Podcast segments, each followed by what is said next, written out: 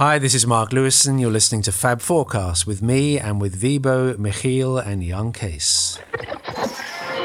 Ladies and gentlemen, The Fab Four. Fab Four. John, Paul, Fab Four. George, Ringo. Fab Four. Fab Four. we have for you the Fab Four. Fab Forecast. Hi, Fab Forecasters, and welcome to part two of our interview with the great Mark Lewisohn. In the previous episode, we talked about Mark's writing and research of the Beatles' history. And in this episode, we focus on the Beatles' activities in the spring of 1969. The fascinating period between the end of the Get Back sessions, that's February 1st, and the official start of the Abbey Road sessions on July the 1st. A lot happened during this period, as you will hear. Okay, over to you, Mark. We could begin talking at any point, but I, I will just say that I started this year, uh, again, more for volume three than volume two, but it's all part of the mix. Um, I spent the whole of January 2019 listening to the Beatles in January 1969 on the each day the 50th anniversary listening to all the Nagra tapes that leaked out about 20 years ago you know those Yeah. masses of bootlegs that everybody's got I never listened to, well th- that's it including you. Yeah, but now you you listen to. them, That's yeah. it. They had been Yeah. on my. Somebody at a Beatles convention in Liverpool said, um, "Here's a set of 150 CDs." 150 CDs. I think that was only the A reels. It wasn't even the A's and B's. There's like 150 CDs, and this is all of January 1969. And I took them home and I put them on my shelf, and I went, Ugh, "What am I going to do with those?" Yeah. Um, but on this, for this anniversary month of January, I got it all condensed, not condensed. I got it all ordered, got the A's and B's. So I, so I had a complete set of all available audio, all properly integrated, A's and B's, and even a, I think a C at the end, all integrated so that I didn't miss a thing, but I didn't have duplication either. And it was 97 and a half hours of audio and I just did it on January the second. I, when they started, I started, and so on and so on. And it got really tough near the end because I was also uh, transcribing. Oh, yeah. Uh, not everything, but certainly the stuff that needed to be transcribed. I was improving a transcript that already existed, but it needed a lot of work. And I was making notes um, and following up leads of things that were being suggested. This is a long answer. I only do long answers. um, it was an, a revelatory process for me, and I realized that I have always misunderstood that whole month. And um, and uh, it's been got right best by Doug Sulpy in his book, but still, I would say it could be more right. Um, but that's by far the best drugs, divorce, and a slipping image at the moment. But um, I, I'm going to write it differently um, with, uh, yeah, different insight. What's your feeling about that month? Uh, uh, What's yeah. my feeling? My feeling is that, um, well, it's, it's a very complex. It was a complex month, but um, there's a lot of clarity within it. I, I know that sounds like a contradiction, um, but it was full of surprises. First of all, if John Lennon and George Harrison were the two Beatles who were the most keen to make us think that it was the most mis- John said the most miserable sessions on earth. Um, and and and George also said very similar words. And George Martin talked about endless arguments that they were having constant arguments. There aren't any. There aren't any arguments at all. What you hear is a cohesive clear-minded purposeful group. They're not quite sure what it is they're going to, what the end product of the, the thing they've started is going to be. They start rehearsing without knowing how it's going to finish. They haven't, they can't make a decision on this TV show. It's meant, it's going to be a TV show, but where are they going to shoot it and what kind of audience will it have or will it have an audience and will it be in another country or will it be in England? Those are decisions that they continually discuss during the course of the month and in the end never resolve. It ends without a resolution other than the fact that they go up on the roof. But if I was to ask you guys, and you guys all know your Beatles very well, and I could ask the listening people as well, the audience, um, if I was to say to you, John Lennon, Paul McCartney, George Harrison, Ringo Starr, tell me for each one of those who wanted to go up on the roof and who didn't, what would you say? I would say Paul wanted to go up, and George didn't. John well, eventually he uh, he thought, yeah, let's do it. And Ringo is Ringo. I think Yeah. he got got along with the with the rest of them.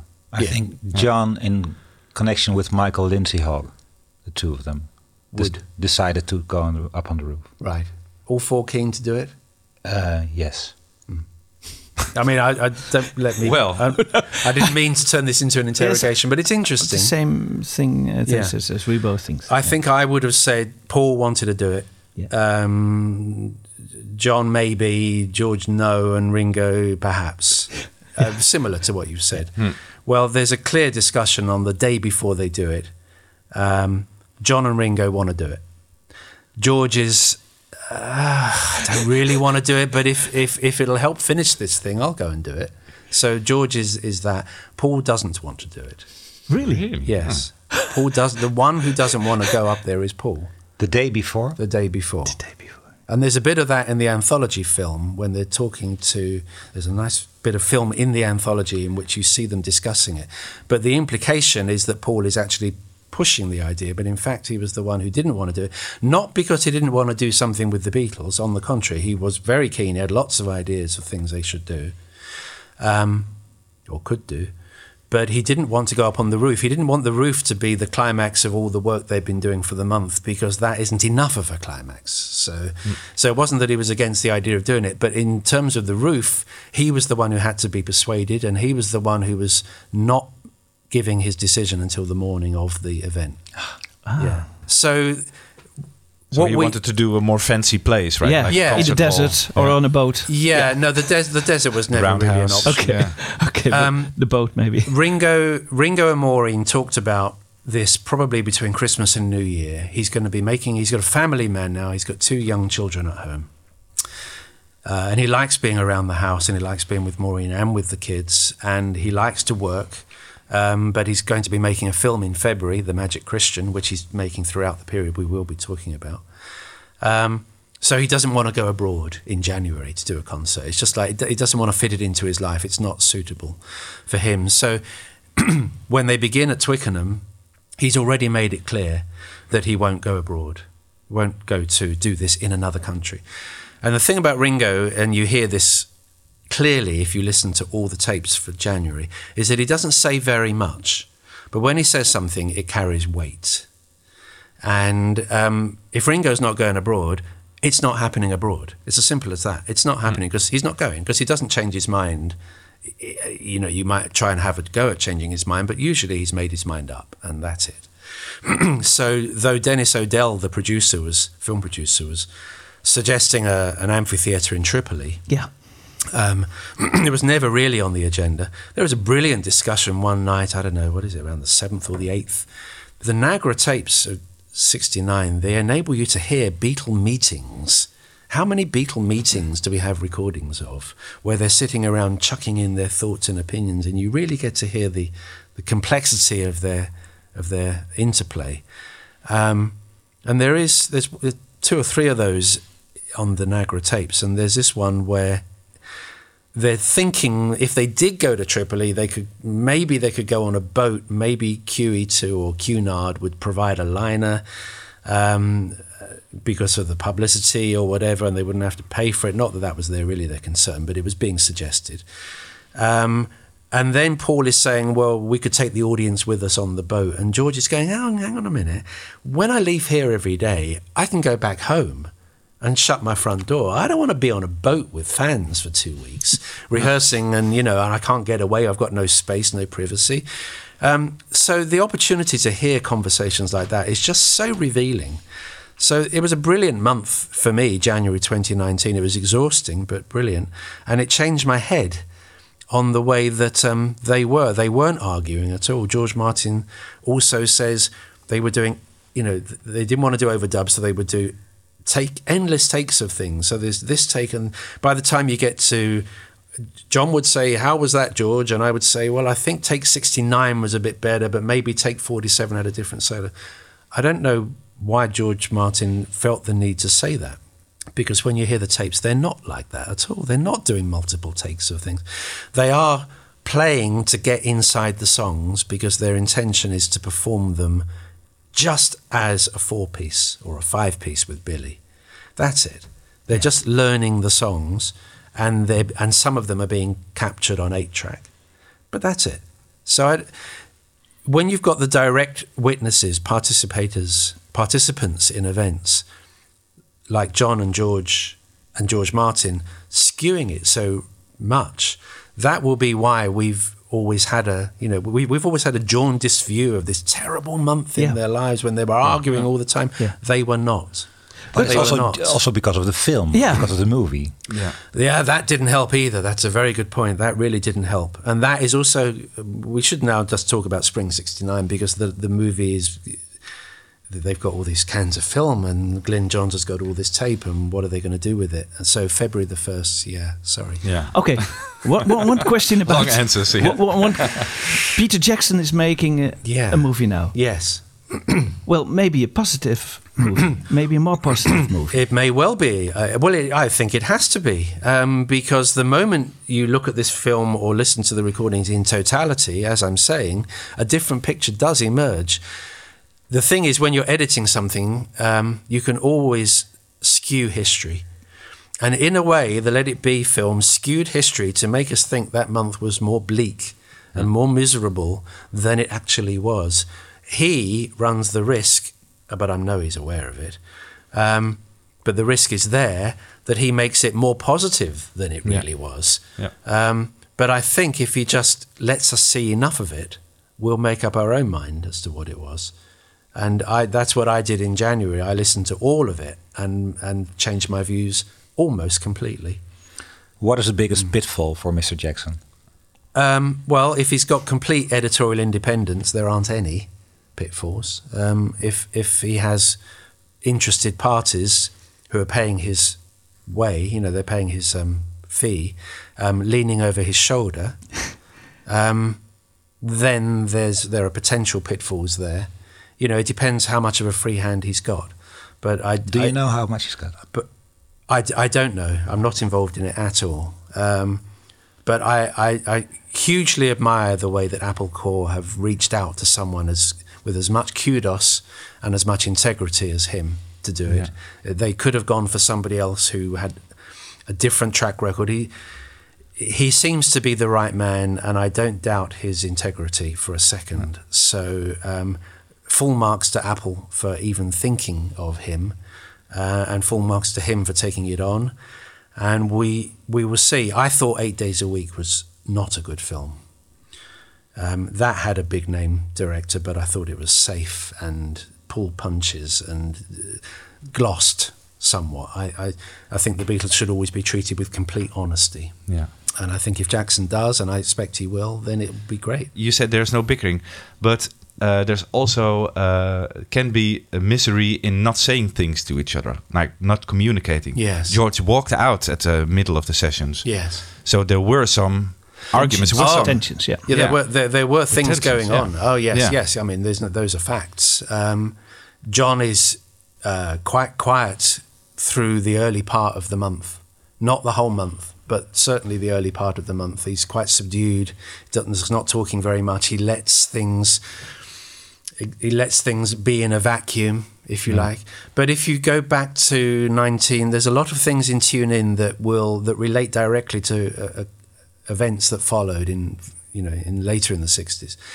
And one of them is that um, John Lennon always let people sort out their own differences. So he wouldn't necessarily, though he was nominally and actually the leader, he didn't hold an axe over anything. So if people have got a squabble, he lets them squabble because they, you know, why should he intervene? It- It'll it'll work itself out, or they have to work out their own problems, basically, which is quite an interesting idea. And um, that's basically what's going on with Paul and George, and also John and George and Yoko is, is undoubtedly a negative influence on them because on events because um, there's a couple of days um, wonderfully that we have uh, recorded where they're sitting around just talking and George isn't there because he's left and John and Yoko haven't arrived yet and they're not sure whether that John is coming and they do talk about the negative impact of Yoko being there. But she doesn't make her presence felt very much in um, during the month of January. You don't hear her very much. Um, there is the period when they do, I think, three separate occasions she jams with them. Yeah. Um, and Beatle people go, oh, you know, it's just it's the most terrible. You know, she got her way. You know, this was what she wanted all along. She wanted to edge somebody out, and uh, as if Paul and John and Ringo or whoever was in this jam were, were doing it under sufferance. They weren't. You look at the film, and they're they're happy to be. They're musicians. You know, they'll they'll jam. One of Ringo's albums that he feels most proud of is the Yoko Ono Plastic Ono Band album, which he thought was great. Mm. And his drumming on it is fantastic. And his drumming on her jam is fantastic. Her jam's in January 69. So, and we- we're led to believe that George walked out because he couldn't stand Paul getting at, at him anymore, and he couldn't stand Yoko being around anymore, and, and John being a little bit passive aggressive, perhaps. But when he and, and he didn't want to do the TV show. Those are what we understand are the reasons why George walked out. But when George comes back, they're still talking about doing the TV show. Yoko is still there. John is talking more, much more, but that's a difference. Um, and Paul is still giving him kind of instruction, but much, much less. There are there are great moments in January '69 when you can hear Paul biting his tongue. When you know that he would be chipping into this bit of the conversation, but he's obviously stopping himself. So, the things that George, the reasons we're led to believe, and I'm sure they're right, that George, that caused George to leave, are still in place when he comes back, and he has a very happy period in Savile Row. I did a tweet near the end of January, 25th, I think, where George is saying how much he's enjoying playing and how much he's enjoying the studio. No one bitches about Alex's equipment at all. Hmm. In the whole 10 days or whatever it is at Savile Row that we have tapes of, no one said, they all say how much they're enjoying using the studio. Okay, they've had to bring in mobile gear because it, you know, this, but, but when you look at the film of the studio, it's a proper studio. It's got um, It's got everything, I think. it's yeah. you know, it's got a control room. It's got a cutting room next door that's already up and running. It's got uh, all the wiring is there. I mean, it wasn't put in overnight. There's great banks of electricity. So it wasn't that everything Alex did was wrong, but obviously he was over ambitious in what he promised them or what they believed he had promised them. Um, and they just had to get mobile gear in. So big deal. But no, but you know, you, you would think in those ten days you hear everyone go moaning about, you know, oh bloody, you know, this studio is meant to be our great studio, and look at it. They all say how much they enjoy using it straight away, including George, who seems so happy in the last ten days. So, you know, most miserable sessions, you know, it doesn't. It's not borne out when you play it. Oh, revelation, I think. Oh, yeah. Well, let's start now with uh, the spring period, starting February 1st. Um, starts immediately with uh, business troubles because uh, on that day there is a heated argument between Allen Klein and John Eastman. And yeah, it was obvious that the combination of these two men as manager and legal advisor was doomed from the start, don't you think? Yeah. Yes, it was. Yeah. It was. They were. It's funny how the Beatles um, were suddenly um, being advised by New Yorkers, uh, and there's an American influence increasing. You know, there's quite a few American uh, employees at Apple. Uh, there's John Eastman advising them on counsel. Um, Allen Klein, just at this point, being brought in to kind of look into their affairs. They needed that and um, and Yoko uh, was you know Japanese American and Linda was American, Yeah. and um, there is this, this there's a shift, and Eastman and Klein were they were just destined. They were they were they were cut of different cloths. They had certain things in in common in their background, but they were entirely different animals, and um, they were both going after the same goal. So it became a fight between them for the Beatles' best advice Yeah. which wasn't helpful, but it was kind of inevitable. I'm some, sometimes surprised um, by Paul putting his in-laws so forward like this. Um, one of the stories that you write in Tune In, um, it made me think of that because uh, you write about uh, Louise Harrison, the mother of George, who at one time wants to put Neil Aspinall aside and put her son Peter Harrison in place of him. And then John says, "No, we're not going to have that. Thank you, um, because we're just fine." And well, there's an obvious problem when a, a near relative comes into play. Yes. Um, I'm sometimes surprised because Paul seems to be the politically most sensitive Beatle that he put his in-laws forward like this in '69. Yeah. Was it was it maybe a, a, an, an error of judgment on his part? I don't suppose he would see it that way. um, very good, Michiel, for noticing that because there is a very clear line between that anecdote in Tune In about 1962 and the events of early 1969. And I, I was conscious of that when I was writing it, and I wondered who would pick up on it. And you're the first person to say it. um, because it was told to me by Neil Aspinall, and he knew what he was saying. Because the same theory does apply. If you bring family in, then it changes things because there's always the possibility of favoritism, or it, at its most basic level. If, as Neil said, if you want to, can I swear? Sure, you can. as Neil said to me, you know, if you want to say, "Oh, fuck off, Neil," or, you know, fuck, you know, that that's okay. But if it's Peter, oh, fuck off, Peter, and George would say, hey, "Don't talk to my brother like that," you know, and then you've got a different kind of feel. You've Yeah. got a different um, dimension to the discussion.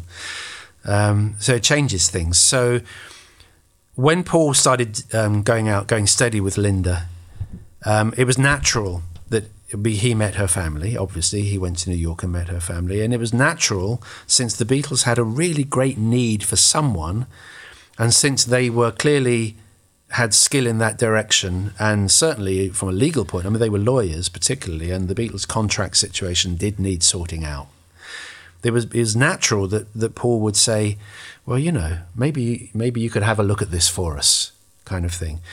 And all four Beatles did agree to John Eastman being their counsel. That's C O U N S E L. It means someone who looks at the legal side of things. There is a letter of agreement that they allowed him to be that person for them because they did need somebody. But that wasn't didn't mean that they necessarily wanted him to manage their affairs, just that things needed to be looked at. When John met Allen Klein, that was a wholly different thing because Allen Klein turned him on in a much more thrilling way and assured and gave him every assurance that he understood the dilemma that the Beatles were in and and could find a way out of the problems for them. So John didn't say, I appoint you to be the Beatles business manager. He merely said, You can look after my side of things. So that's all he did that night when they met. You can look after my side of things. And then in the next few days, George and Ringo fell into line. This wasn't to the exclusion of John Eastman, it, they could coexist in theory. Um, but Paul, obviously with the Eastmans in his ear, said that Klein is, you know, I don't know how much they really knew about him because it wasn't quite the world they operated in, but nonetheless, he, he had a reputation. If you read Variety, there was enough in there about Klein to know that he was an edgy player. And um, so they were probably advising Paul, mm, not Allen Klein. You shouldn't be going with Allen Klein. So it fell into two camps because George and Ringo sided with Klein along with John, and Paul wouldn't. And that's There was no The real al- alternative to Paul. well, Um, maybe there was, but the Eastmans were the most. Well, th they were never going. Although they had appointed the Eastmans as counsel, that was a. I don't. I, I, I don't know how it would have gone after that. But um, once Klein came in, they wanted him to be much more proactive. John Eastman was merely looking at things and advising, and Klein was going to be the one who was going out there to negotiate. Um, the thing is, Brian, with the Beatles' history, we'd parcel it up into this was 1963 and this was 1964 and so on. When you're live, living those lives, you don't see those lines so clearly. All through 1968, the Beatles need someone to replace Brian Epstein, who's only been gone for months. He's still not been gone for very long. And they're looking for Mr. X and they've been looking for Mr. X for months now, and they've had various meetings with people, most famously Lord Beeching, um, who was the man who was um, cut great swathes of the British railway system that was make, that was costing and losing so much money, tried to make it more financially prudent.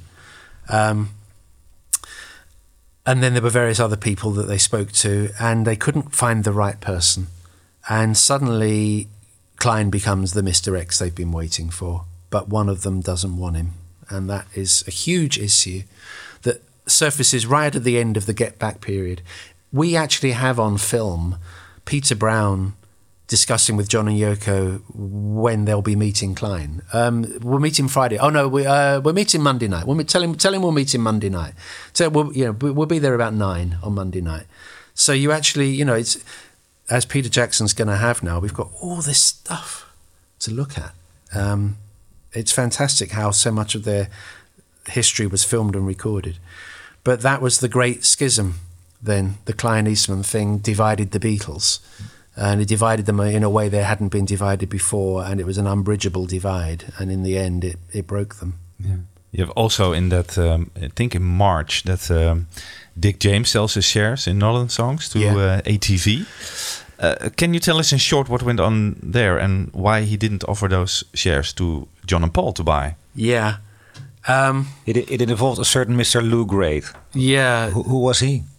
Yeah, Lew Grade was a great entertainment impresario, uh, um, British, um, based mostly in Britain, but made a lot of international TV programs that were sold, particularly to America, but also around the world.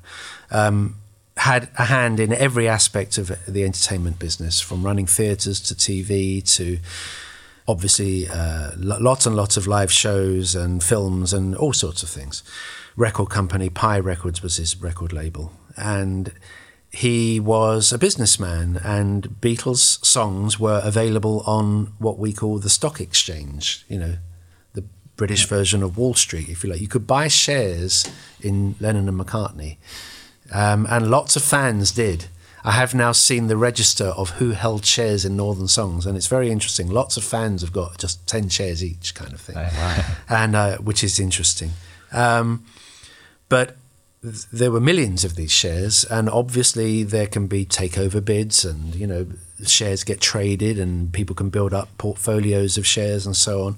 John and Paul never had more than about thirty percent between them, um, but Dick James and his partner had thirty-seven and a half. And the rest of them were held by institutions and Yeah. investors and so on, as I've said, fans. And Brian, maybe? Uh, Brian had some, but went and that went. They went to um, his mother Queenie when he died. Yeah. Um, so there was and, and Paul had more than John. there was suddenly a situation where the, the John and Paul had a, an agreement between themselves, just a, a verbal thing, of you know that they they both held the same number of shares, and then there was a time in '69 when. With all the negotiations that were going on, and everyone had to put their things on the table and declare what they had. Paul John saw that Paul had more and had bought more without telling him, so that wasn't a happy moment. I don't suppose. Um, which was John mentioned it in a couple of interviews, so he was obviously a bit pissed off about it. Um, but Dick James and his partner had 37 and a half, so they decided to sell. They got out. They got out. Why did they get out? Because the Beatles were such a hot potato by 1969. John and Yoko, uh, John appearing nude on a record cover, John being busted for drugs, John doing the bed in, which, you know, was obviously, from my point of view, a brilliant thing to do, but seemed to so many people to be so strange and cranky. Um, they were all taking drugs to some extent or other and long haired and they were rebels and they had their own company and they were belligerent and when Dick, when Brian Epstein was alive, Dick James had a, a cushion between him and the Beatles. His relationship was, was with Brian, um, and he would see the boys come along to the session, drop in anytime he liked Dick, and Dick would, and he would be chummy and he would be nice, and then he would go. Hmm. But without Brian there as the cushion, Dick James and the Beatles, or the Beatles, brushed up. They they they hmm. clashed with one another, hmm. and they were quite rough to Dick James. They brought him into Apple in uh, May 1968 to Wigmore Street, and they put him through a tough meeting and filmed it, and then showed that film at an American record convention. Well, I can't imagine that would have gone down very well with Dick James. It's a terrible thing to have done, and uh, that doesn't necessarily excuse what you know him his selling of the shares, but it sets some context. Yeah. He his, he felt he had less, he need show less loyalty to them at that point than Yeah. he would have done in previous times. And probably you could get more money from ATV than from John and Paul. Probably Yeah. so, and and it was a business deal, and um, it didn't necessarily mean ATV were going to take over the company because they still didn't have fifty percent. No. It was just he was getting rid of his shares. He was going to stay on as manager, hopefully, as if appointed, which he did. Um, but he was going to um, get rid of his shares, which any shareholder is entitled to do. Morally speaking, of course, you wonder why it would have been the right thing to do to offer them to John and Paul first. Yes. Yes. But there were circumstances, so it's not quite as clear cut as we think. Let's uh, hear John talk about uh, the moment he heard it. I was pissed off, you know. I mean, he's another one of them people, a bit like Martin, who think they made us, you know, and they didn't. I'd like to hear Dick James' music, and I'd like to hear George Martin's music, please. Just play me some. And Dick James actually has said that, you know, that he made us. They, they people are under a delusion that they made us, you know. He didn't tell us it was, he did it. It was just a fait accompli, you know. He went and sold his thing to Lew Grade. That's all we knew. We read it in the paper, I think, you know.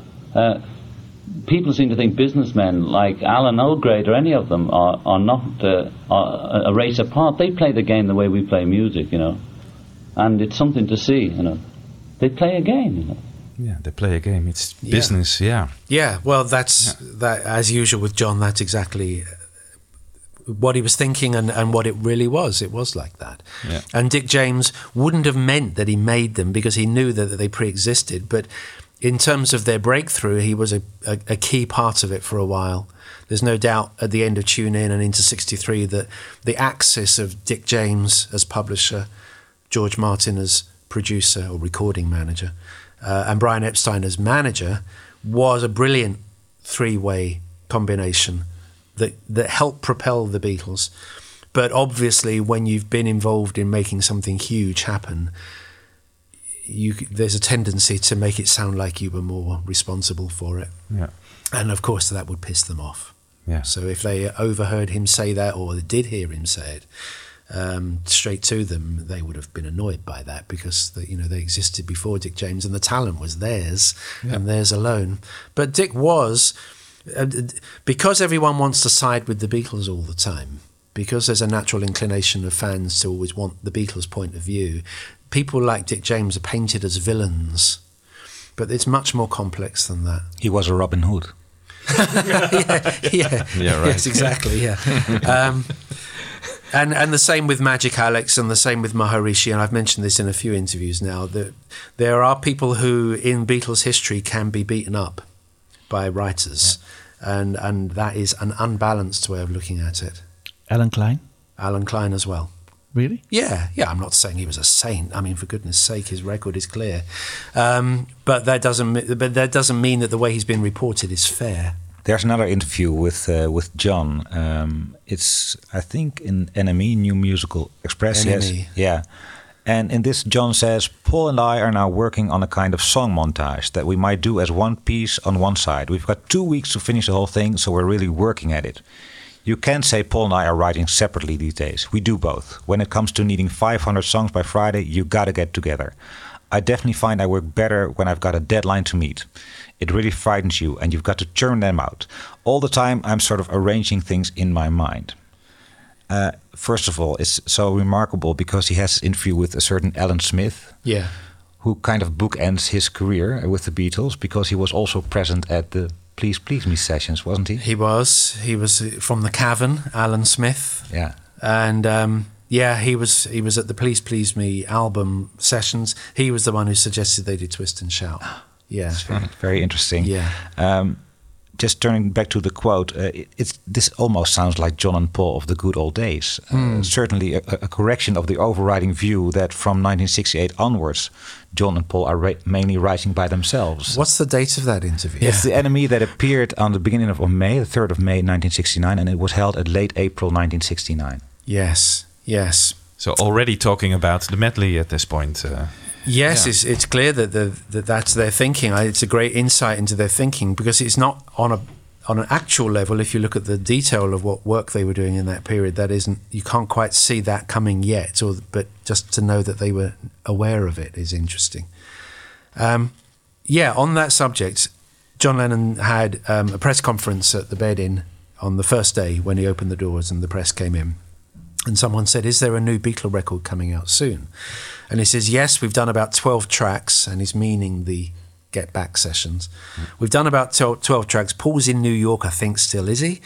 And so we're all meeting up in about seven days. So I've used these seven days, which I knew was Beatle free, to do this event and have a sort of honeymoon and to speak to you. When is this Beatles album going to be on sale? Well, we've got to go back, remix the eight tracks, by which he means eight track tape, not eight tracks, uh, and do four more tracks. So it should be around the summer, I suppose. So I was thinking about this. I was I took that quote and I analysed it. As far as the Beatles were concerned, then John is saying that the January 1969 sessions at Savile Row produced about 12 tracks.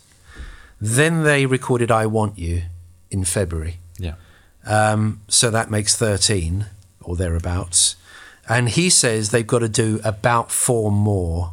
Well, that would make 16 or 17 songs in total, which they always thought 14 for an album. Any album they're doing, 14.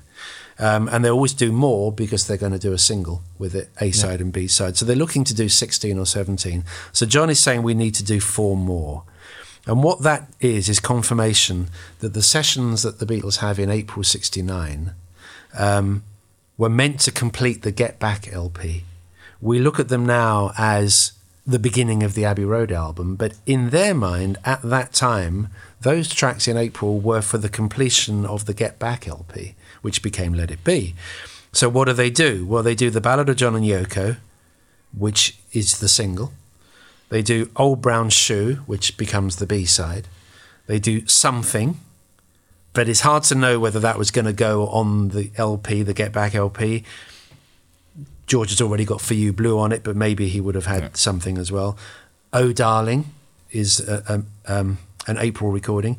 Octopus's Garden, so that would have given Ringo a song on the Get Back Let It Be LP. He, it's it's the only Beatles album that he doesn't have a vocal on, isn't it? The Let It Be album. Yeah. Yeah, if you take so. out Magical Mystery Tour because that wasn't an album really. Yeah. Um, yeah, every album they so Let It Be album doesn't. So they were going to put Octopus's Garden on it. They do the Let It Be overdubs, and then they do You Know My Name. Now I don't know whether that to completion. I don't know whether that was going to be something for that or whether they were just finishing it off. And then in May, they start with You Never Give Me Your Money, and that I imagine could be where the medley idea is is beginning. And Glyn Johns then goes away and assembles the Get Back LP. He's got all these tracks to choose from. But all he does is compile what they recorded in January. He doesn't include I Want You, even, which was definitely part of the same set of sessions just three weeks later. But he was asked to do it in in the beginning of March, I think, to Ye- assemble Yes, an album. Yes, he was. But Yeah. he was involved. The other thing about these sessions in April is that George Martin was again not involved in them. It was still again Glyn Johns. Yeah. So in their mind, as John said, we're going back to complete the LP we've started. So these are the tracks that in their mind at that point they're planning for the Get Back LP. And yet when Glenn compiles it, he doesn't use any of them. Probably under instruction on that basis. Otherwise he would have done. Because why why why leave off, you know, something or Instruction of I mean, maybe then yes, well, Beatles I expect. It couldn't be anybody else. I mean George Martin's just not in the picture. He's he's producer but he's not involved. So um, That's why Billy Preston played on. that's why Billy Preston comes back and carries on playing. Yeah. So what we know as half the Abbey Road album was really in their minds at the point of recording for the for the album to complete Get Back. And that's in this period when they go and reshoot they go and shoot the recreation of the cover at Yeah. EMI House of Yeah, Angus McBean. Yeah. Um, that's also in this same period.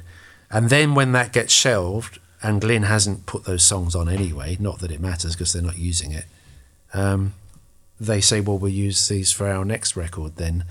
And then the only time that Abbey Road really is a focused set of sessions for the album that we know to be Abbey Road is the sessions that begin on the 1st of July. Yeah.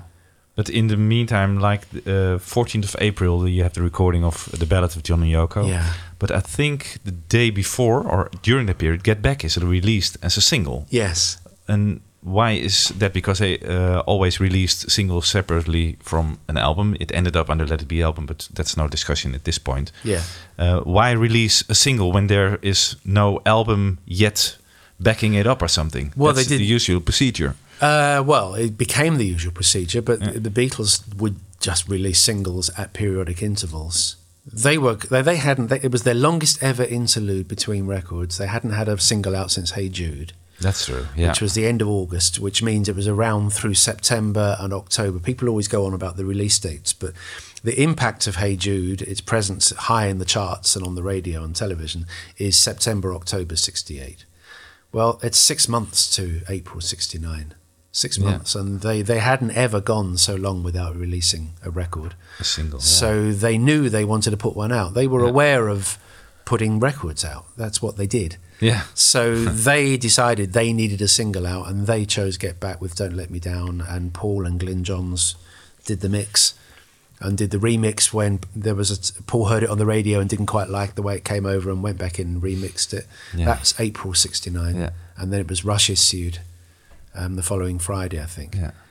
Um, because they needed a record. It didn't matter whether there was an album to follow or not. It was just simply get a record out. And then very quickly after that, the Ballad of Johnny Yoko was released. Shortest Yeah. interlude between Yeah. two singles. They've gone from the longest to the shortest in the Yeah. space of you know i- i- immediate, really. Um, yeah, well, the, the Ballad of John and Yoko is um, is the chronicle, isn't it, of like Mar- what is it, March the 18th to April the 1st, something like that. Uh, March the 16th, I think, to April the 1st. That's what it is. It's a chronicle of that period. I think it's so wonderful because in the same interview that I just quoted, uh, John calls the Ballad of John and Yoko Johnny B. paperback writer, Yeah. which is just a great way to put it. It is. It is. Yeah. Yeah. And of course, as we now know, which wasn't known at the time, it's only two of them on it, Yeah. Yeah. just John and Paul. They had a lot of fun. Yes. Yes, it was a. In the middle of the fights, uh, yeah, well, that that's a that's a crucial point um, because the one consistent thing that they've said from then to now is that they were always able to set aside their difficulties when they got into the studio, and um, it's true because again they came subsequently to describe the White Album as you know, uh, miserable sessions. That's where the rot set in. I think was George's expression, George's phrase for it. But when we heard Giles Martin's box set la- late last year, it, it, it they seem to be again cohesive and happy and productive and not seem they were. I mean, you can't make music as brilliant as that if you're not together. You just can't. You, they they were obviously still capable, always capable of making great music together, irrespective of whatever might be going on outside the studio door. Um, Paul and George were no longer anything like as close as they had been by the summer of 1969. But there was a period when John had been in the car crash and wasn't at the sessions, and Paul and George and Ringo were working on Abbey Road without him. And there are lots of Linda McCartney photos of Paul and George together at the microphone or working something out on guitars. Very happy photographs. Yeah, they are. perfectly happy photographs. And of course, they're making very beautiful music, so you can't do that in a state of anxiety. Um, no, they could do it. They could just leave it outside. They always turned each other on musically, and uh, we're the lucky recipients of that because even when they were having difficulty, the music was still wonderful. You're Yeah. saying they're having dif- difficulty. I think that a month later, like half May, the problems are even bigger. Do you think because there has been a, a clash between Paul and the other Beatles, uh, at which he goes to the Steve Miller session, uh, do you think uh, the Ballad of John and Yoko could have been recorded like 15th of May or 14th of May, one month later? Yes, I do. I still do. I still think they could have done it. The other thing is, apart from Ballad of John and Yoko, uh, they also do You Know My Name, Look Up the Number, which when I first interviewed Paul, he said it was true of that day, if not forever. That's his favourite Yeah. Beatles song. And I have to say, not just because Paul said it, but it's one of my favourites as well. It is just so brilliant for hearing their their chemistry, their humour, their their imagination, their originality. Um, that was done in this same heavy period as well. You know, when things weren't right for them, they're still capable of going in there and having a great laugh. Um, what happened on the 9th of May was significant Um, and in another interview I did with Paul, he described it as the great crack in the Liberty Bell, which was a very evocative, succinct way of putting it. Um, nothing was ever the same again after that evening for Paul. It changed. But a week later, he did an interview on BBC Radio Merseyside, which I think is on YouTube, Yeah. um, with a man called Roy Corlett, who knew them for years. And um, he's speaking so positively about the Beatles and about John and about Yoko and about everything. And it's not a front, it's just he was able to still see the positive side of things. And I think they all were. And despite everything, the Abbey Road album was such a huge positive album. Yeah. It's such an upbeat, bright record. No sense of misery on it at all. The Ballad of John and Yoko, you heard those um, sessions, of course, for your book. Yeah, that was And- one I definitely did hear. Yeah, yeah, because I described that one. Yeah. Prob- probably that entry isn't as embarrassing for me as the rest of them. Because I was very happy when I read that. I can remember that because uh, you describe uh, uh, a situation where John says to Paul, uh, "Speed up, Ringo! Play faster, uh, Yeah. Ringo!" And he said, "Okay, George." Yes, like that's. Oh, we all thought, well, they're bickering and fighting in this period, but there was Yes. love as well. And Yes. collaboration. Yes, yes, Yeah. there was, and it's important to keep all this in mind. Um, now we know where Ringo was that day; he was shooting the film, but I'm not entirely sure why George wasn't there. I haven't ever. You asked earlier, are there things that I would Yeah. like to? Yes, I'd like to know why George wasn't there. Did he know about it? Um, did he say he wasn't? He was busy, probably. Um, I mean, John was in a hurry to record it, and maybe George simply couldn't make it. Maybe he was working with Billy, Billy Preston. I think the sessions for Billy's album may have started by then. Um, but anyway, it is just the two of them, and it's only the two of them on "You Know My Name." Why was John in a hurry? He, s- he said, I needed the money also for the single. Um, what needed what to earn money? Yeah. Um, But well- why was he in a hurry? Oh well, I mean, the money issue is a, is a is a very complex one. I mean, he he probably said that because it had been pointed out to him that his spending was greater than his income at a given point recently, perhaps because he had been, you know, the Beatles always spent quite freely, um, unin, uninhibited, and in the spring of '69, with the, you know the bed in and going suddenly flying to Vienna and staying in the Sacher. I'm not saying that you know they couldn't afford the hotel bill, but they were their personal expenses were always itemized for them, and I've got a lot of those sheets now, including some for this period. And John was spending the spending much much more than the other Beatles, so uh, he had it to spend. But Klein may have said to him, you know, we need to increase increase your income if you're going to be spending at this rate. Um, it may have been just a comment like that that caused John to say. Because when if you do make a record and it sells, you don't see the money for a while. You, you don't get it the next day. You know, fans don't come and give you the money for the record. It goes through a process of going to the shop, to the record company, and the distributors, and so on. Um, like book publishing, you know, it's the same thing. So. Um, and a hurry? But the hurry was because it was it was the first of what he called his newspaper songs, right? It was it was here's what I've done and I want to get this out. This is current. This is a news. This is I want to report this. Instant Karma was another one like that, and and that's about communication. This is this is my song. This is my art. There's no reason why, especially being you know the, the huge as they were, and they could dictate their own terms. There's no reason why I can't go and record this song today and get this out next week. And in fact, I'd like that. That's that's the thinking there, and there's it's quite an understandable one for a creative artist to want to have his work out. You know, why let it sit in the can for months? It was contemporary. It was reporting current news. It needed to be out straight away. Can we just go back to that that, that uh, day of May the 9th? Yeah, I'm glad you had because Yeah. I, I didn't talk about. Yeah, you, what you said the, the crack in the Liberty Bell. Yeah. What is a Liberty Bell anyway? A Liberty Bell.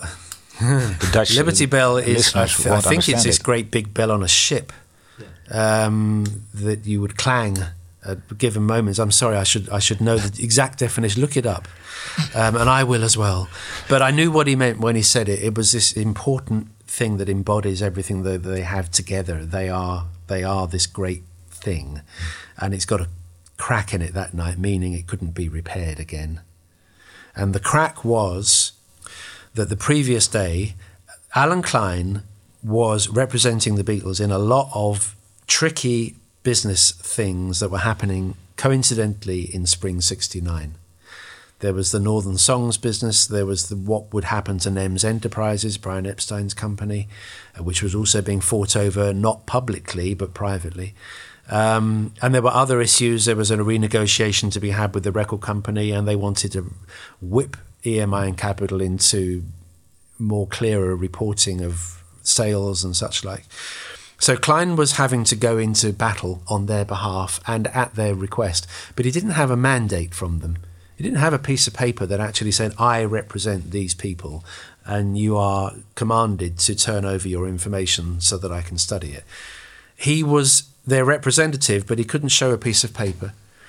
He didn't have anything in writing from them, and it was obvious that he needed one, and they recognized it too. So a piece of paper was drawn up, a single sheet of paper with about, you can see it on the internet, it's got about, I don't know, four clauses in it, something like that, five, whatever. It's just one side of paper. In which they appointed him to be their business managers, and it set out, you know, a rate of commission, which Paul argued, and he was right to argue, but it was that was part of the discussion. And then John signed it, and George signed it, and Ringo signed it, and Paul wouldn't sign it and yet he Paul needed that someone needed to go and fight for them, and Paul was, it seemed, not signing the document that would enable their warrior to go into battle. And so it came to a, an emergency board meeting of Apple, which was held at Olympic Studios in southwest London when they were finishing the Get Back album, if you like. It was that session on, what is it, May the 9th. Well, it was the week of You Never Give Me Your Money, and I think they were doing other songs that week. And um, Paul wouldn't sign it. And then there was business of Klein needed it by that weekend. Paul did explain it to me, and he's done it in various other books as well. Um, but the Beatles had always been, they'd always existed on the principle of all or nothing, unanimity or nothing. If we don't all agree to do something, it won't happen. And the great crack in the Liberty Bell is that that night when Paul wouldn't sign, John, George, and Ringo said, Well, okay, that really, really, really, really is a pity, but three of us have, and we're the majority, and it's going to go through. That was the crack in the Liberty yeah. Bell. The unanimity thing went that night. Decisions were never made that way within the Beatles? Uh, actually, there probably had been two or three times, but they were times when they could live with them. I think the Jimmy Nicol thing, George didn't want him, but was persuaded um, that to to go out on tour with a Ringo replacement. But that was more pragmatic, and he but he came to regret that. I think in the anthology, he he he implies that you know we were trodden on, that we couldn't make his decisions for ourselves, implying that you know in later years, given the same choice, he would have said no to Jimmy Nicol and cancelled the tour until yeah. Ringo was better. Um, so that was the night when it really counted, though, because it was about the direction of the Beatles' business, which was crucial because you know potentially you know they were to they they they might end the '60s with nothing like what they should have had financially. So um, yeah, that was the night, and then amazingly Paul wanders. Well, Glyn Johns, who's at the session, is also Steve Miller's producer, and Steve Miller's there in session as well. And they want they go into another studio, and Paul and Steve Miller jam with Paul on drums and do "My Dark Hour." I mean, how much more apt could it possibly be? And it's a great track. A great it track. is, yeah. Yeah. Well, also in this period in spring '69, there are two major events. Of course, the marriages of uh, John yeah. and Paul within eight days of each other. Yes. And um, I read that John wanted to marry on the 14th, but uh, two days after Paul's uh, wedding, yeah. but couldn't do it because of legal issues. Uh, how much was his marrying uh, response to Paul's quick marriage? You think? I've read that people say that it was, but I've never heard John say that it was. So no. there's no there's, there's no validity to those claims. Uh, they're just people assuming that John didn't want to be outdone by Paul um, which I think is that's a kind of writing that annoys me because mm. it becomes part of the fact and it, and it's just someone writer thinking. Yeah. That's what it probably was. Unless somebody out there can find a Lennon quote in which he says it, in which case I'll be, yeah. I stand corrected and very happy to do so. Um, But, But it is remarkable. it is well. John and John's divorce came through in January. There's a moment in the Get Back sessions when he says, "I'm, I'm finally uh, divorced," or is it Yoko's divorced? Uh, John's Uh, divorce is already clear. Yeah, it's Yoko's Yoko. divorce that comes through. Yeah, and Paul was obviously free to marry, as was Linda. She was divorced because Paul hadn't married yet. Um, but Linda was pregnant, um, which th- these days is no cause for marriage anymore. And indeed, he was free to do as he chose, but they chose to be married because Linda, it, it meant Linda could stay in the UK. She was American and, you know, she couldn't stay forever unless she was married. Yeah. Uh, and obviously, she was pregnant. They were going to have the child in England and um, raise it in England. So they married before her pregnancy bump got too large, just as Ringo had with Maureen and John had with Cynthia. It Right. was the same kind of thing. Traditional guys. Yeah, yeah, exactly. Yeah. it's what you did. And Yoko and John married because they wanted to marry. Um, now, if it was whether it was because Paul and Linda married, I doubt it. I doubt it. But maybe, yeah, I don't know. Maybe it was in their minds somewhere. Do you know why any of the other Beatles were not invited to those weddings? Because George was in London, could have gone Yeah. to Paul's wedding. Yes. Um, well, they knew about it. Yeah. But uh, Beatles have they had long since came come to the realization, they'd been impressed on them vividly, that when they went around as a foursome, it was it was a hard thing to handle, and if you could do something without the, the necessity of having all four Beatles there, it would it would be easier. Hmm. Now. They still made the marriage public though, so there was still a lot of people there because Paul does like to have a lot of people at things, and um, it was in the papers the day before that they would be married the next day. Oh, really? So there was a lot of people there, Yeah. and um, There was a lot of almost Beatlemania outside. well, there was, and it was the Beatles were always aware. John, George, and Ringo were always aware that amongst girls, Paul had the most fans. Um, they all had fans, and they all had fans of both genders, but um, girls tended to go for Paul. So while he was unmarried, there was hope for these girls. I know, as ludicrous as that may sound, um, but in the girls' minds, it was not impossible.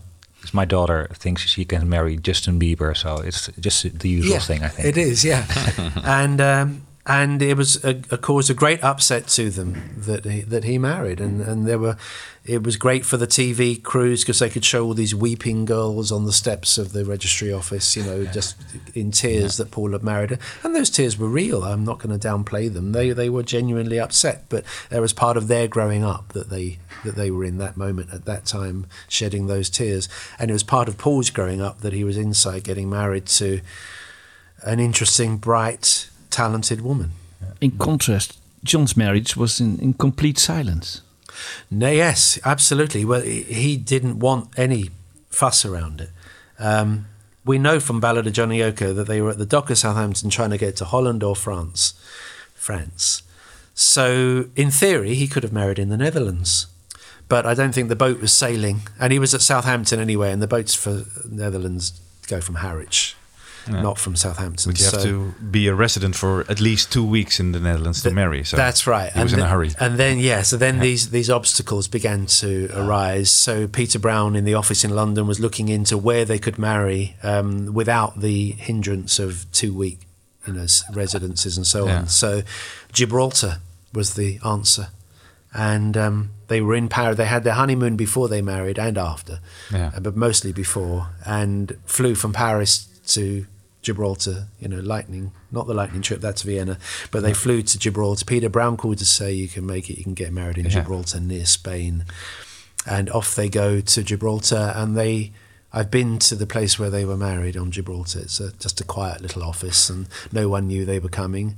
They flew in, went straight there, went straight back to the airport, and flew out. Why not in England? It wasn't exotic enough, or I don't know.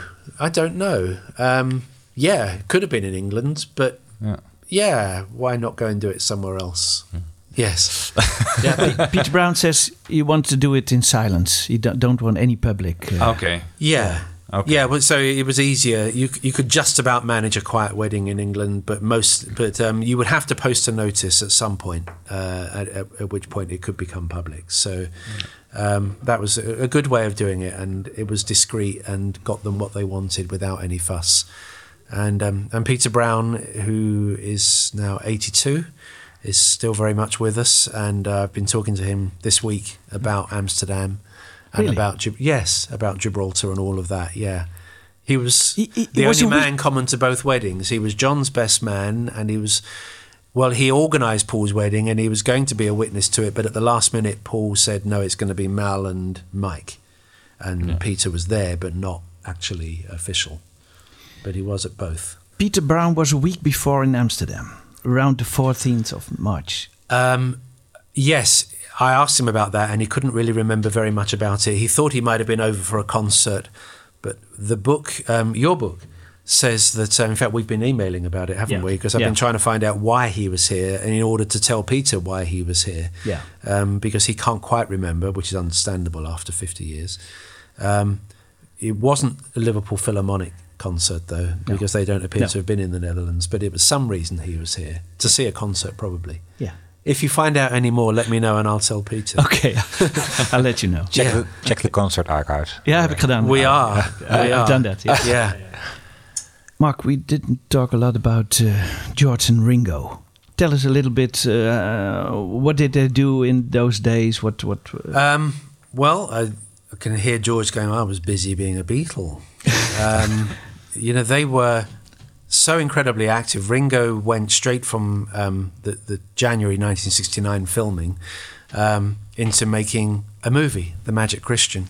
In only the second after the Beatles films, the only only the second film in which he had an acting role, and by far the biggest. Um, though there wasn't a huge amount for him to do, he was in a lot of scenes, so he had to be on call a lot.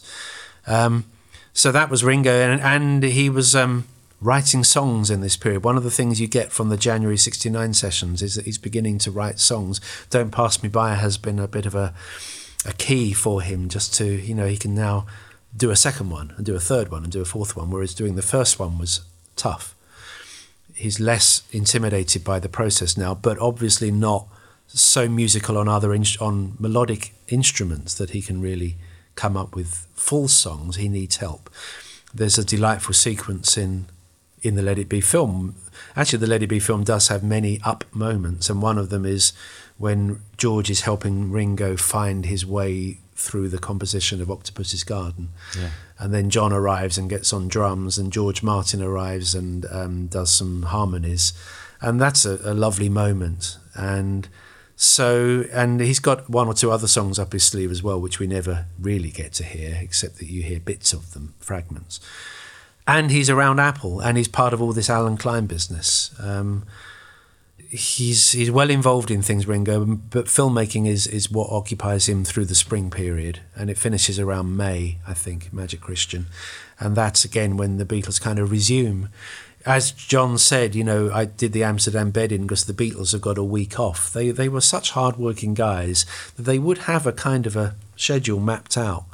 And, and they would be well, you know, if Ringo's going to be filming that week and George is Billy, busy with Billy, I can go away and do something. how, how how did Ringo think about Allen Klein? What was his thought about him? wanted him. Yeah. They all knew they needed someone. Though Neil Aspinall was very, very good at everything he did, and though John Eastman was in advising them on what contractual situations they were in, they didn't have anyone to go out there and beat some heads together. And like all artists, you reach a point in your time, in your career or whatever, where you are irritated that your music publisher has a Rolls Royce where you're irritated that your record producer has a boat. And so on because you, you can't help but think I've made that money. That's my money. You know that, that's I should have that money. All artists it's somebody once explained it to me if you um, say you're a, a new musician and you're forming a band and you want to play somewhere and someone says to you I'll get you a gig and it's 10 euro uh, and forget for that I'll take 1 euro 10% and you go, yeah, great, yeah, we get to keep nine euro. And then you get to a 100 euro gig and the manager keeps 10 euro and you think, yeah, yeah, fine. Well, he got us the gig, of course. Then you get to a thousand euro gig and the manager's keeping a hundred and you're thinking, don't know if he's really, should, should he be keeping a, that's a, should he really have a hundred? A hundred for that, really? When you get to a million and more, so should he really have a hundred thousand? Should he really have a Rolls Royce just because I've written that song and he was in the room and produced it or whatever? That is inevitable with all artists. So by 1969, they're all thinking, we got to make some more of this mo- this money that we've been making. We're watching other people with their boats and their cars and everything and their nice houses. What about us? And um, we, we're due more. And Allen Klein was, for Ringo, as well as for George and for John, the man who was going to go and get them what was rightfully theirs. so he was very much pro Allen Klein and was stayed pro Allen Klein till about 72. Yeah, yeah. because Peter Brown wrote uh, on the on the 9th of May, Paul hoped Ringo was on his side. Yeah, I can't think why, because Ringo's been on Allen Klein's side. but I mean, Peter said that he would have a reason for saying it. In these situations, you're looking for allies, aren't you? Mm. I mean, I'm speaking to you in the midst of the most disastrous Brexit non negotiation, just a, an absolute foul up of monumental proportions that's happened to my country and by people who are meant to be representing us. You're looking for allies. Everyone's looking for allies. You're looking to fo- form alliances in order to win the day and get your point of view across. And Paul obviously knew he couldn't get John as an ally on Allen Klein, and he wasn't going to get George. So he must have hoped that Ringo would be on his side and probably tried to focus his attentions on winning Ringo around because if it was two against two, that would be different. But Ringo did want Allen Klein and um, did sign and was happy to be around Klein until pretty much the end of the relationship. Um, George was also pro Allen Klein for the same reasons. It's like all these people with their Rolls Royces, you know. I mean, where's Yeah. where's my? Well, in fact, he had his too, but well, he had his Mercedes. But um, artists will think that way. It's just inevitable. It's not just the Beatles. It's everybody who makes money. You end up resenting others making it from you. And the Beatles have had a thing about people earning money off them since 1963. They didn't like it then. They didn't like how much Hunter Davies got for writing his book, um, and held it held it against him. And um, that's the way that's the way it is. Even though they've got plenty, it's just like well, it's still our money, you know. So. Um, There's also another side to this, maybe that Yeah. there were other people who were doing things for the Beatles every day, but who weren't getting paid very much. People like Neil, Yeah. George Martin, Mal Evans. Well, George Martin was doing all right. Yeah, um, okay, but but but um, the Beatles didn't pay particularly well. Uh, the Ron Cass, the man who brought in to run Apple Records, he was on a really grand salary because they felt they needed someone of that magnitude. But um, generally speaking, Apple paid averagely to its staff. It didn't pay high wages. Um, if you worked for Apple, you weren't necessarily rolling in money. Um, and Mal and Neil were never on very much, but they were looked after. You know, they bought a house for Neil and they bought a car for him and things like that. When Neil married, they gave him a, a flat in Knightsbridge, which was a great thing to give, a great wedding gift for Yeah. a man and his wife. So um, George, in six, January '69, there's this lovely moment when Billy Preston comes in, and within a day, George is talking to him about producing his an album with him. Within a day, and we'll find you a place to live, and and we'll get some musicians in. And he's so positive and constructive about it. And so George gets involved in becoming a record producer For Billy Preston in first instance. for Billy, and then Doris Troy. Uh, uh, two albums with Billy and Doris Troy. He had a special relation with Billy from years before. He well, they all did. They knew Billy back to 1962, and um, and liked him, and of course admired his talent because it was wonderful. Um, a myth about Let It Be is that when Billy came in, it, it just elevated the whole thing because that's what they always said. You know, somebody else in the room, everybody behaved better. But in fact, it was all right before he came in, and on the days when he couldn't, because when once he came in, he wasn't there every day. He was making a he was in England to make a TV special, so he had to go to the TV studio. So even from when he arrives at Savile Row, he's not at every session, and when he's not there, things are perfectly fine without him as well. So again, that's a bit of a myth that they created. Um, but George is very happy. He's also, however, busted for drugs Yeah. um, on Paul's wedding day, which was a mean thing to do by the by the British police, who were def- definitely out to out to get a Beatle, another Beatle. They had one already in John. They wanted to arrest another one. Mr. Pilcher. Yeah. Yeah, yeah. yeah, Detective Sergeant Pilcher, um, who brought some of his own just to be on the safe side, as it said in the Ruttles. and um, and as Monty Python also spoofed wonderfully as well, um, with this great clod-hopping British Bobby comes in. And and we're looking for drugs, and then clearly there aren't any. And he gets something big thing out of his pocket, and then goes, "Oh, what's that?" Um, because they found this big lump of hashish in, in George's boot Yeah. in his wardrobe. And as I loved his quote, he says, "I'm a tidy man. I keep my my ties in my tie drawer. I keep my socks in my sock drawer, and I keep my hash in, in the hash box on the table." That's great. Yeah. Yeah, Sure. Yeah, yeah. He's a clean man, like the washing of the car, right? That's yes, Also. yes. He's, very he's, he's an organised, orderly man. Yes. So why is he going to keep his hashish in his boot? but that's where the police found it, and he was planted. Yeah. He was planted, and this is what was going on in these days. The '60s was ending ugly, and um, it had what had been beautiful was now being attacked because they were, you know, these musicians needed to be whipped into line. They were they were getting too unruly. They were stirring things up, and um, you know, all the Beatles were, and obviously they saw John Lennon as a fomenter of trouble, and he was he made the establishment fearful, and they started to use the instruments of state against him and other, you know, prominent musicians in that period, and it, it was ending in an ugly way, unfortunately. Um, and to bust him on Paul's wedding day was just a horrible thing to do as well. And uh, I was just looking through my archive because I, as I said, I don't have originals of very many things. My collection isn't intrinsically valuable, it's valuable for a collection of information. And I have a scan of an autograph that George gave outside the courthouse um, on the day that he was arrested. Not arrested, um, the verdict was given. I think he was fined £500. Could have gone to prison for being busted. Um, that was a possibility. The judge had it within his power to send him to prison, but he didn't, just fined him. And George wrote on this. There were fans outside the courthouse, of course, and George probably didn't sign many autographs because you see him get into the car and go, but he did sign at least one. And it says something like, From George Harrison, now a criminal. you know, and he deeply resented the fact that he had been got like that, you know, for something that he wasn't even guilty of. I mean, yes, he smoked hash, but so bloody what? Yeah. You know, he's not selling it, he's not dealing in it.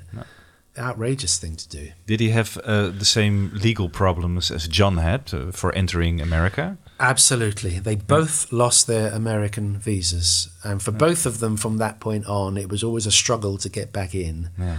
Um, and they would have to get special dispensation and they would have to, you know, f- swear this and, I don't know, put bonds down perhaps. And yeah, it's funny. When at the end of the 60s, literally in 1969, two of the Beatles can no longer enter America. Yeah. And they busted John and George, but not Paul and Ringo. Yeah, That's also Yeah, I don't. I don't know why George and not Paul. Paul was obviously a, a, a smoker, um, yeah.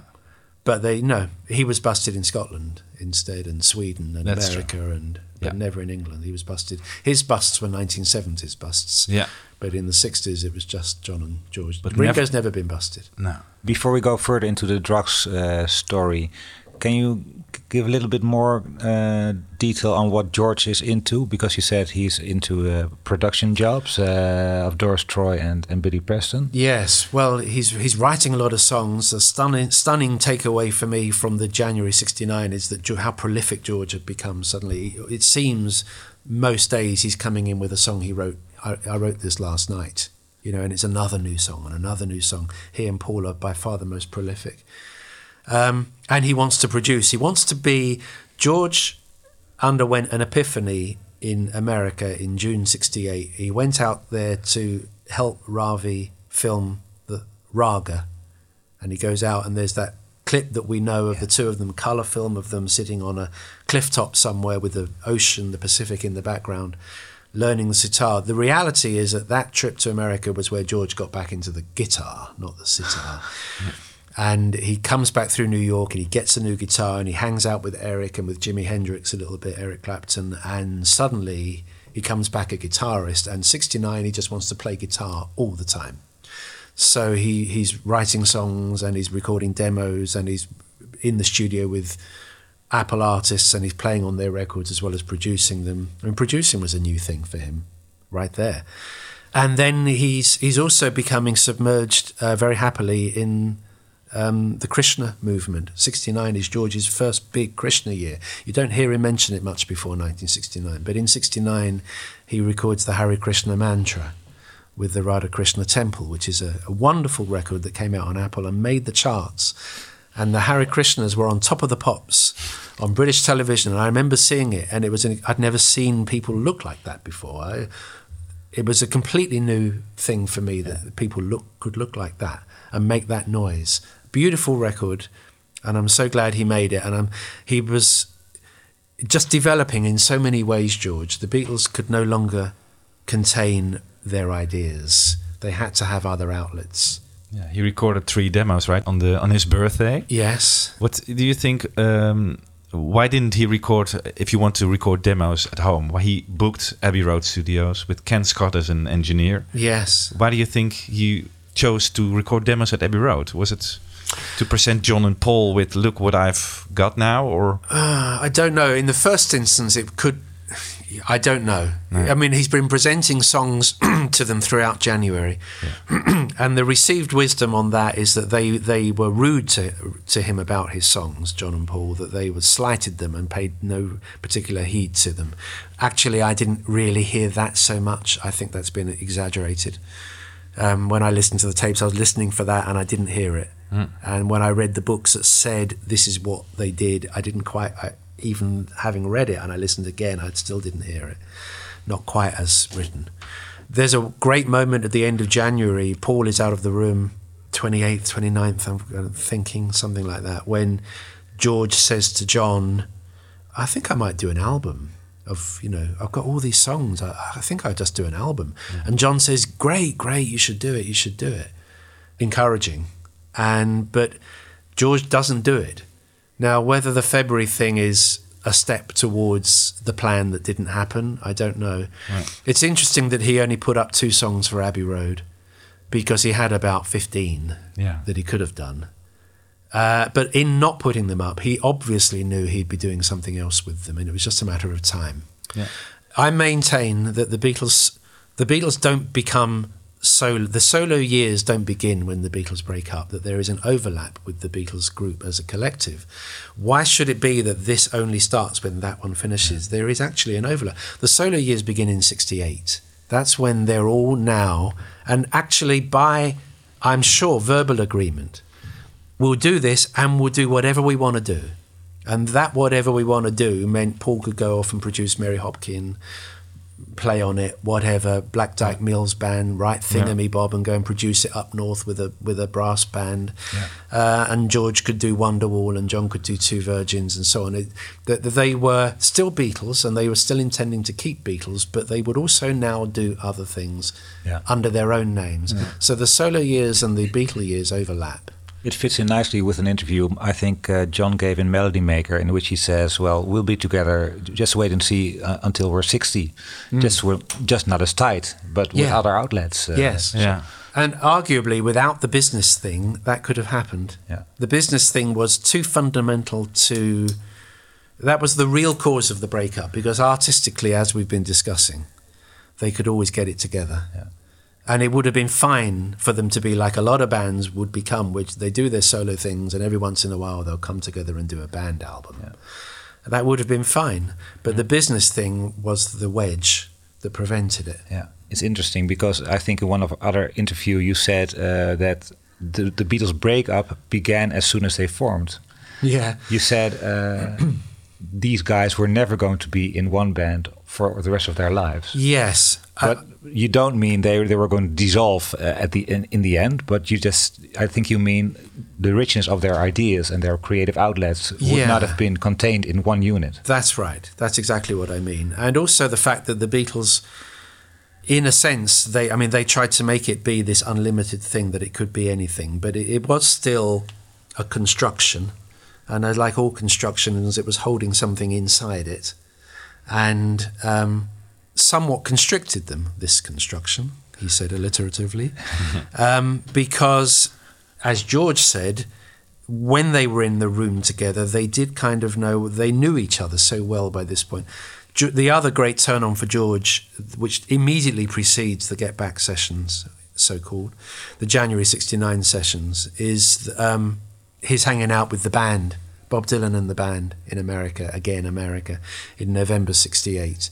That changes everything because he sees the way the band operate as a band and the, the, the freedoms that they allow, at that point at least in their time together, that they allowed one another within the creative construction. So when he came back to be with the Beatles, where they were, as George said, had pigeonholed each other inevitably because they knew each other so well, you can do this and you can do that and so on, that they had lost that sense of exploration because they knew each other so well. Yeah. We talked about drugs, uh, George's uh, bust, um, but John was also also heavily into drugs at this point. Uh, he had an heroin addiction.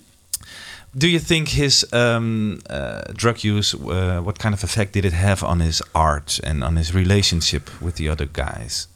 Um, heroin was a drug that the Beatles were always aware of and had steered clear of. George Harrison, bunking off school one day in Liverpool in about 59, filling time because he could only go home at home time but had to fill the hours that he wasn't at school, went into a cinema and saw The Man with the Golden Arm, the film.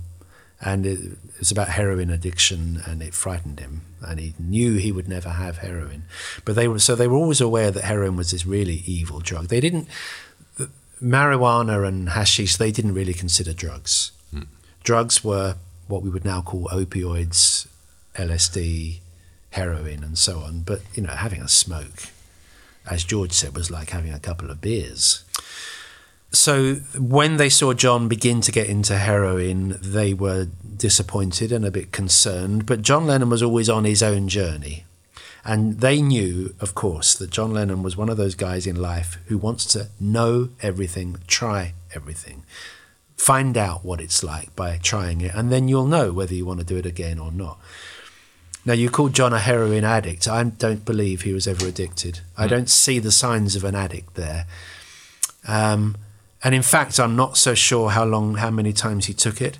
He ended up writing the song that suggests the most that he was addicted, "Cold Turkey." Yeah. Um, incredible song, and so revealing because no one knew he was taking heroin, and he writes a heroin addictions withdrawal song and puts it out as a record. I don't know whether at that point he had actually gone through that experience. He probably had to know it, but that suggests a stronger addiction than there's any indication of. Yeah, I think he had a relapse after cold turkey into heroin again. Yeah. with Yoko. Yeah. Well, uh, the, the suggestion is that Yo- George said that Yoko got John into heroin and they didn't like her for that. But I don't think she was an addict either. But there's no sign that either of them was. I mean, they functioned to such a high degree. yeah, yeah, yeah. I mean, John is so creative. Uh, OK is not writing many songs at the start of 69, but you look at John Lennon's performance, most of January he's fine. Savile Row, he, he seems completely clean. Um, he's not strung out on heroin the whole month, like I've read. He's not at all. Um, the bed in, he's so switched on. He's not. He's definitely not doing any heroin in, in Amsterdam. No. Um, maybe very late at night when the room finally is cleared and they finally the two of them are alone after another extraordinary day of their room being full of people. They might have a smoke. There is an allusion in one of the films to "Thanks for the grass," you know, whatever. It was nice, yeah, Yeah. Which is, you know, newlyweds probably after an exhausting day make love and have a joint and go to sleep. Fine, Yeah. you know. I don't think they're doing heroin. But he's so lucid. He's so lucid. He's so on top of it. He's not in. It never never drops the ball at any point, and it's the same in Montreal. He, I think, he has a heroin problem again in New York in '71 too. There's a story of them going cold turkey in a car being driven across America. That they put themselves in a car and told the driver to drive, and you know they would go through their hell in the back of the car, and when they arrive at the destination, they're over it, which must have been a trip and a half. Um, but nonetheless, so I think John's. I think it's very easy to be frightened of, obviously, of the word heroin and, and its potential, and to assume that John was strung out on heroin the whole time. And I, it's very evident that he was not. He's far too creative and lucid. To, to, doesn't exhibit any signs whatsoever of being strung out. In fact, in Twickenham, I think it's the 14th of January, it's the last day at Twickenham. John begins the day with an interview set up the day before with Canadian Broadcasting Corporation, uh, principally about Yoko's events, but of course, because the guys with John, they want to, he wants to talk about the Beatles and things. And John is kind of green in this interview, and he's, he's clearly unwell, and in fact, he goes off to throw up. And we know that he's thrown up because he comes back and says, I've just thrown up. There's no secrets with these guys. They told us everything. Um, and then he's a bit more together. His speech becomes a little bit unglued and he just becomes a little bit more together. And at the end of that day, he says to Paul and Ringo, because George isn't there, he's quit at that present time. He says to Paul and Ringo, I, I took something last night I shouldn't have done. And if you look, the day before, they've had this in all the Ethan Russell photographs that we have of that shoot at Twickenham. There's a picture of some guys at, around the Beatles, and one of them is Tony Sanchez. Now he was Keith Richards. He was heroin supplier to the Stones. And he turns up on the 13th of January, and that night they do heroin, and the next morning John is green, and then he throws up. So there's a clear chronology yeah. there. They've got it from Tony, and they've taken it, and he's not well. But he says, I, you know, he kind of doesn't say he regrets it, but he says, I took something, you know, shouldn't have done. Yeah. And but there's no indication that he takes it again. Yeah. So I don't think the word addiction should be applied. I think, I think he was in control of it rather than the other way around. Mm. Joe Goodden, he wrote the book about uh, the Beatles uh, and their drug use. Yes. And he just sums up what, what Lennon is doing in 69. It's just incredible. Yes. Not only the bed-ins, but making several films, making several albums, uh, conducting numerous TV and radio interviews, launching the War's Over poster campaign. Um, yeah. No, I'm mar not... getting married, uh, going to Vienna, Montreal, Amsterdam. It's impossible to do this while you're just tripped all the time. Absolutely right. Yeah. Um, but I mean, I dare say some of that could be done on under the influence. But the impression you always have from films and things is if heroin users is they're slumped in a chair somewhere, undergoing some kind of hell. Yeah. And uh, you just don't get that at all. But in private moments, yes. But they were so public in '69. I mean, it was the most incredible year of their marriage. They went full tilt into everything in '69, yeah. and. Um, the whole peace campaign, they were so determined and so dedicated to it and so convinced of it. And uh, again, you know, this is not the behaviour of drug addicts. Yeah. In in there's a great moment at Savile Row in January '69. You're listening to these tapes, you really get it all. At one point, George calls out to Mal, um, "Get us, get us a joint and a pill." Mm. Right. So that's interesting. So he took a probably an upper of some kind, and smoked a joint at the same time yeah. And that's just functioning stuff. They're not. That's not to crash. That's yeah. to just carry on working. They can function yeah. on that. Yeah. I want to ask one more question about the because you just talked about the bed-in. I get this feeling that the Montreal bed-in was a bit more, well, let's say less peaceful than the Amsterdam one. Is that impression right? Um, the Amsterdam one took everybody by surprise. Nobody knew that it was happening until it began um, and it was a first, so it was a novelty as well. But the second one was a bigger deal, if you like. Um, it, the, it was more mad. It was in Canada. It was in Toronto. Sorry, Montreal. So it was um, North American media. Yeah. Um, a lot from America. It was he wanted to do it in America and couldn't get in, so he did it in Canada to go to, to, America by radio and television, as well as to Canada, which was a country that he was very fond of. But um, it was a second event, and because people knew what it was, it was altogether more crowded and more manic.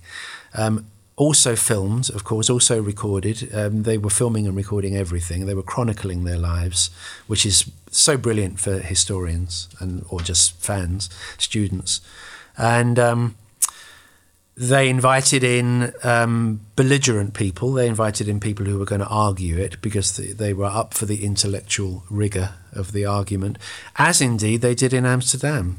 The the Amsterdam version of Al Capp um, was Donald Zec Yeah. of the British newspaper The Daily Mirror.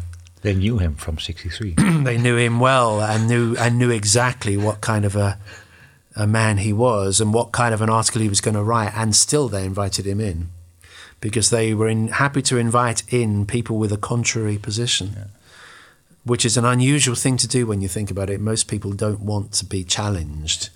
They want to just state their point of view, but they were inviting challenge in and inviting rudeness in, and that's what they got Yeah. from both Capp and Zec. it's a wonderful thing to do. I, I love uh, John debating with these guys. Yes. He's just so on it. And they weren't listening. No, it's so easy to just look at them as a kind of naive hippies, but his theory and why he's doing the bed in Yes. is just all clear for himself. Yes, there was one thing about the bed-in which didn't quite work. I, I, for me, I buy almost all of it, and in fact, I, I, I do buy all of it. But maybe John didn't realize, or maybe he did, that the very act of protesting in that way, of being in bed for a week, became the story and not the message. The, me- the medium got in the way of the message. Everyone wrote about the bed in. They're sitting in bed. Or the, you know, the room service comes in and they, they, they take their breakfast, and that got reported as much as the message that he was trying to deliver about peace, and that was unfortunate. Yeah. Um, but nonetheless, I think they were both conceptually brilliant ideas, true Lennon Ono or Ono Lennon ideas, 50 50 arrangements. And um, yeah, great thing to have done, and a beautiful way for them to end the 60s. I said it was ending ugly, and it was in a sense, but to have John Lennon urging peace is, Yeah. is, is a pretty good way to end a decade. Like the message was important uh, for him, uh, and the way he um, conveyed the, that message wasn't that important because he thought, well, peace is the message I want to. Yeah. And he has a Sell wonder- like soap. sell like soap. He has a wonderful quote about Yes. it. That's part of our policy, is not to be taken seriously because I think our opposition, whoever they may be in all their manifest forms, don't know how to handle humour. You know, and we are humorists. We're, we are, uh, what are they, Laurel and Hardy, that's John and Yoko. And we stand a better chance under that guise because all the serious people like Martin Luther King and Kennedy and Gandhi got shot. We're willing to be the world's clowns. Yes. Yeah. What a Yeah. thing to, to say. And, and then shot, Yeah. dead, murdered, assassinated 12, 11 years later. Yeah. 11. Incredible, yeah. Yeah. I mean, people talk about John Lennon dying. Uh, he was, he, he did die, of course, but he was murdered. And I think we need to remind ourselves of that. He was murdered. You know, he, a, a Beatle was murdered, and uh almost a second one was. Yeah. Um, I don't, don't quite know what I'm, the point I'm making there, other than the fact that we needn't dress it up in soft words, um, because it's important to, to keep a, an eye on the reality of it all. Um, and he was aware of it there. You know, he was putting himself in the line. I don't know that his murder had anything to do with the bed-ins. It was 11 years later, and a lot of things had happened. But nonetheless, he, you know, he's saying there that you know, if you make yourself prominent and visible, you can be shot. Yeah. Well, we don't want to end on such a low note, right? What's the, uh, from the spring of 1969? What's the, the um, the most important thing that happened, or the most beautiful thing that happened? Do you think, despite all Prob- the legal problems and the Probably the most beautiful thing is that as individuals, and let's face it, this group was for individuals always, and didn't just become individuals at the end, um, that they were developing in ways that they were finding their own paths, and you can't beat that. If you've got, in Paul's case, a domestic pleasure, happiness that he hadn't had before, and Ringo as well, um, and John utterly in love with his wife Yoko. I mean, they were so in love. Um, and I'm not saying the others weren't, but I mean they were so visibly in love, and it was just I think that that finding their own paths was a very special thing, and um, still being able to make great music at the same time obviously is a huge bonus. Um, but I've said this before, but when I was younger, like a lot of people, I thought that it was just a crying shame that the Beatles had broken up. Yeah. I felt, you know, bereft, and um, I wish they came would come back together. I used to wear a badge uh, urging them to get back together again.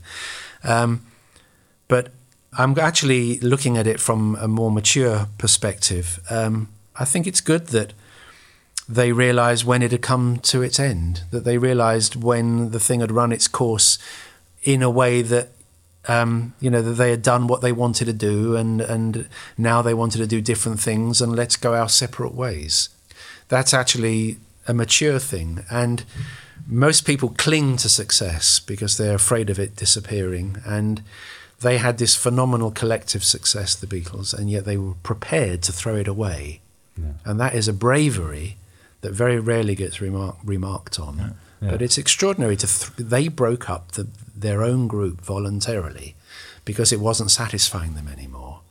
Okay, there were other issues as well, business particularly, but nonetheless, that was the end result. They they broke up the Beatles because it suited them to do so, and that's extraordinary. Yeah, it is. And what an end! It was a beautiful album. Yes, and it ends on a track called "The End." Yeah. uh, followed only by a film called Let It Be. I mean, everything was perfect with the Beatles.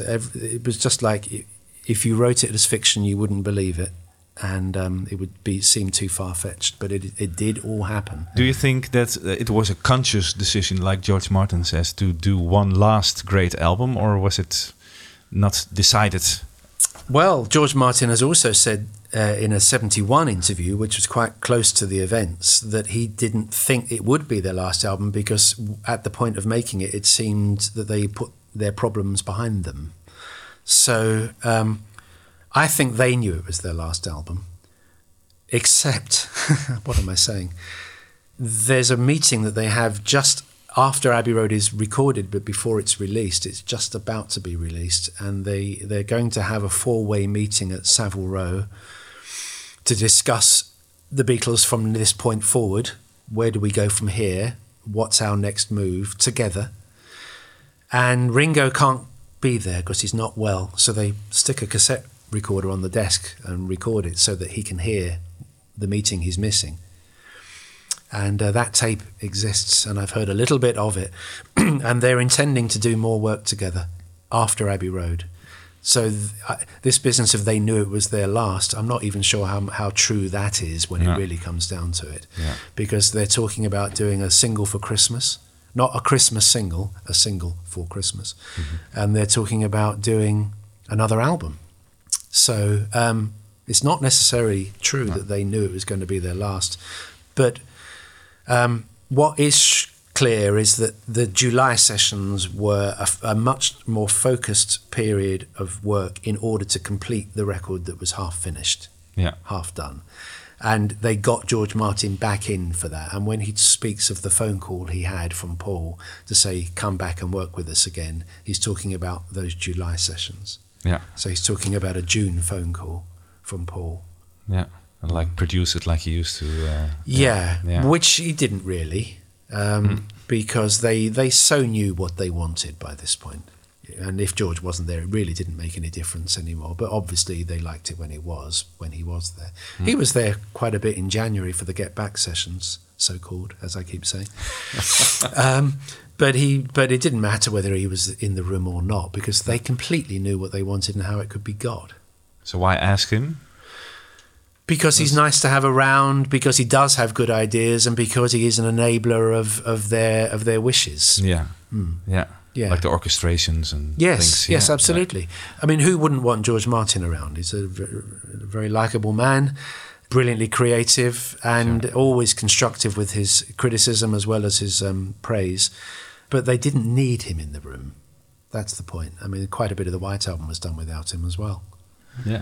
Well, Mark, thanks very much for this long and very fascinating uh, conversation. Yeah, thank you very Uh, much. Oh, you're very welcome. Yeah. Yeah. Let me Just, just Sunday morning chat. Yeah.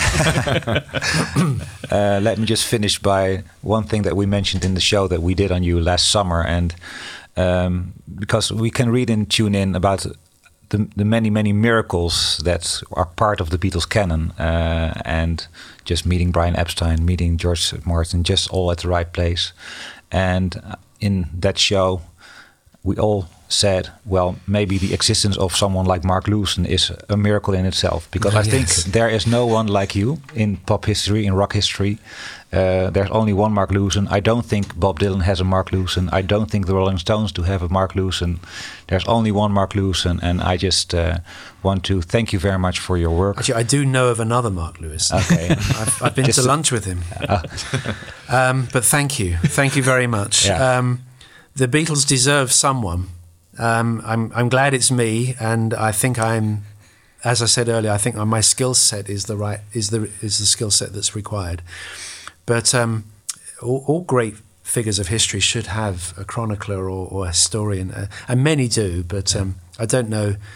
There are many biographies of Dylan and um, many Dylanographers, if that's the right word, who are really into the subject and know it inside out.